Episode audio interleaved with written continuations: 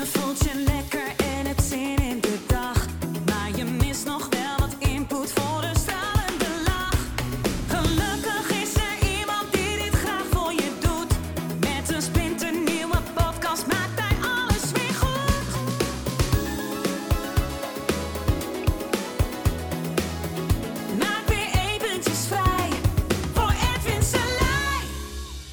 Ah, Bridget en André en Rico en Jackie. Ja, ze zijn uit elkaar. Ja, dat is natuurlijk eh, allemaal verschrikkelijk. Nou, eh, en ik moest ook wel een beetje eh, glimlachen. Vooral bij de eerste, bij de tweede niet per se. Ehm, daar moest ik denken over aan relaties over het algemeen. Maar laat ik eerst eh, bij de eerste beginnen. Ja, het is natuurlijk, daar kun, kan je echt hele psychologische dingen op afvuren. Ehm, maar wat ik interessant vind, ik moest denken aan een stukje van Joep van het Hek. Van ja, dan ga je eerst alles venten op social media over eh, eh, hoe leuk je het nu met z'n tweeën hebt. Nee, die kinderen zien het ook allemaal, die exen zien het ook allemaal. En eh, drie maanden zeg je, ja, laat ons alsjeblieft met rust, want we moeten dit allemaal verwerken. Ja, oké, prima. Denk ik dan. Maar goed, ehm, dat terzijde. Maar ik, toen zag ik ook Rico Verhoeven. En ik denk, ja, dat vond ik wel interessant. Ehm, ja, we zijn uit elkaar gegroeid. Ja, eh, dat snap ik. Eh, Dat kan. Hè. Je bent, als je bij elkaar komt, 20 en dan 33. Je groeit, hè. vijf keer wereldkampioen, heel ander leven. Eh, maar die partner, ja, je hebt eh, eh, allemaal kinderen. Ja, dus toch drie kinderen. Dat is best aardig wat. Ehm, die partner heeft in wezen de hele leven opgegeven voor jouw training. Nou, laat ik het even opnemen voor de vrouw in kwestie. Kijk, ik ken ze natuurlijk helemaal niet. Dus misschien is het gewoon een pleuriswijf. Ja, dat weet ik allemaal niet. Ehm, en hij, eh, geen toffe gast. Of eh, ja, ik probeer niet te zeggen pleurisgozer. Want ja, die gozer die is een stuk sterker dan ik. Dus ik moet me een beetje inhouden. Maar, ehm, maar ik denk, ja, het mooie is ehm, dat je juist, en ze waren dan wel in therapie geweest of wat dan ook, maar dat je denkt, ja, het is ook logisch dat je uit elkaar groeit. Het is ook ehm, logisch dat je, nou laten we zo zeggen, groeit. En op je eigen weg en manier. Ehm, maar als natuurlijk je partner zoveel offers heeft gebracht en, en, en, door, en jij, had kunnen, jij kan sporten omdat zij thuis is, ja, dan eh, heeft ze natuurlijk wel aardig wat credits, eh, vind ik. Ja, en eh, even los van het feit of je wel of niet uit elkaar gaat. Dan heb je ook nog kinderen. De jongste is twee. Ik denk, ja, het is wel interessant. Dan Ja, we zijn wel in een relatietherapie geweest, maar eh, het, werkt niet meer. Oké, nou, dat kan allemaal, hè, begrijp me niet verkeerd. Maar mensen hebben geen idee wat voor impact het heeft op kinderen. Want we- ik weet nu al dat die drie kinderen het heel lastig gaan krijgen om een normale relatie op te bouwen met iemand.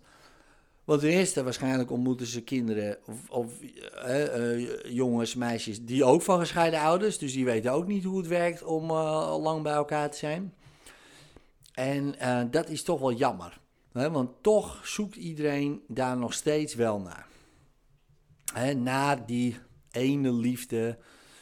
En dan kunnen we natuurlijk allemaal excuus hebben in ons hoofd van ja, eh, eh, we zijn niet gemaakt om 100 jaar bij elkaar te blijven.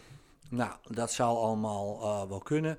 Maar degene die dat zeggen, ja, die, die zeggen maar niet geloven in, in één relatie met één iemand, ja, die kunnen dat ook gewoon niet. Ja, die willen ook gewoon rondneuken met iedereen.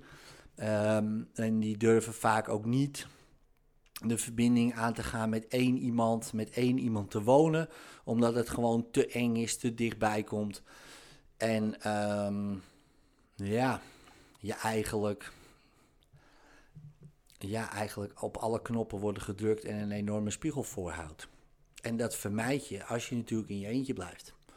Ik zal niet zeggen dat, dat, dat je dan ook niet gigantisch kan groeien. Ja, maar ik bedoel, alle spirituele meesters ja, die ik ken, ja, voor zover, hadden geen relatie. Nee, want anders had een vrouw gezegd, uh, en meestal waren het mannen, zit jij weer de vuilnis buiten verlichten, verlichten uh, Yoda. Want um, het is allemaal wel leuk dat je daar een beetje verlicht al die mensen loopt te genezen, maar uh, even een beetje relaxen nou. waar is het brood? Snij jij even de boterhammetjes en dan kom je weer met je beide beentjes op de aarde. En ja, en het voelt toch minder lekker als natuurlijk met je hoofdje in de kosmos en je krijgt heel het applaus. Ja, dus. En dan kun je zeggen, ja, we zijn uit elkaar gegroeid. Nee, ja, is dat zo dan? Hè? Dat denk ik dan altijd. Nou, dan ben je 13 jaar bij elkaar. Mijn vrouw en ik die zijn nu uh, eh, 18 jaar bij elkaar. Uh, ja, denk je dat het uh, makkelijk is? Nee. Denk je dat dat um, altijd lekker gaat? Nee. Denk je dan uh, dat je niet um, groeit? Ja, natuurlijk. Kijk, ze ontmoetten mij toen ik een um, verslaafde bouwvakker was. En nu uh, ben ik een ondernemer met een bedrijf met 18 mensen. Ja, dus, dus ja, er is wel wat gebeurd in die tussentijd. En dan heb ik het nog niet eens over van 0 tot 4 kinderen in 100 km per uur of zo. In, in drie seconden. Nee. Want dat ging ook uh, super snel. Ja, dus, dus natuurlijk gebeurt er dan wat. Ja, hormonaal gebeurt er wat. Uh, de vrouw die wordt moeder. Uh, jij uh, als man groeit ook. in, in zijn geval wereldfaam. Ja, dus dat is gigantisch. Het applaus van iedereen. Oh, wat ben je de beste. En thuis ben je, ja, ben je gewoon die normale jongen die, die het vlees komt snijden. En, en even de luiers moet gaan verschonen. Ja, en dat kan uh, een gigantische kloof zijn. Uh, maar dat is juist de, ik denk, de kans voor persoonlijke groei. Dat is het. Kijk, we groeien niet uit elkaar. Jij groeit een kant op um, die niet past in het normale gezinsleven, zou je kunnen zeggen. Ja, of hoe zeg ik dat anders? Um, ik denk dat het het mooiste is als je natuurlijk samen groeit. En ook het moeilijkste is. Het is veel makkelijker om alleen te groeien dan met z'n tweeën. Want uh, met z'n tweeën is het uh, veel lastiger. Maar ik denk, de payoff is vele malen groter. Jezus, schijnbaar, had ook Maria Magdalena. Hè, schijnbaar. Hè. Ze werd afgeschilderd als doer van uh, Nazareth, geloof ik. Maar, hè, maar die hadden, waren ook met z'n tweeën. dus, um, en als ik kijk naar andere mensen, bijvoorbeeld Joop van de Ende, om maar iemand te noemen. Uh, die had nooit zo succesvol geweest zonder zijn vrouw. Jannie, uh, Henny Huisman of noem al die mensen maar op. En dat is heus niet makkelijk. Ja, dat is helemaal niet makkelijk. Ik had nooit dit kunnen doen zonder mijn vrouw. En dan is het heel makkelijk om te zeggen: ja, oké, okay, uh, eh, doei en uh, we gaan verder. Maar ja, wat dan? wat dan? Met wie ga je dan? Wat gebeurt, wat ga je dan doen? Ga je met een of ander fotomodelletje? Nou, dat zal gebeuren, hè, zoiets. Hè, 33, hè, uh, rijk, bekend lekker sterk. Nou, een van de fotomodelletje. Nou, maar ja, die kent de echte Rico niet. Nou, en dan ga je daarmee aan de haal. Nou, en dan ga je daar een beetje mee hokken. Nou, en dan over tien jaar is het weer hetzelfde. Als je het al redt, tien jaar.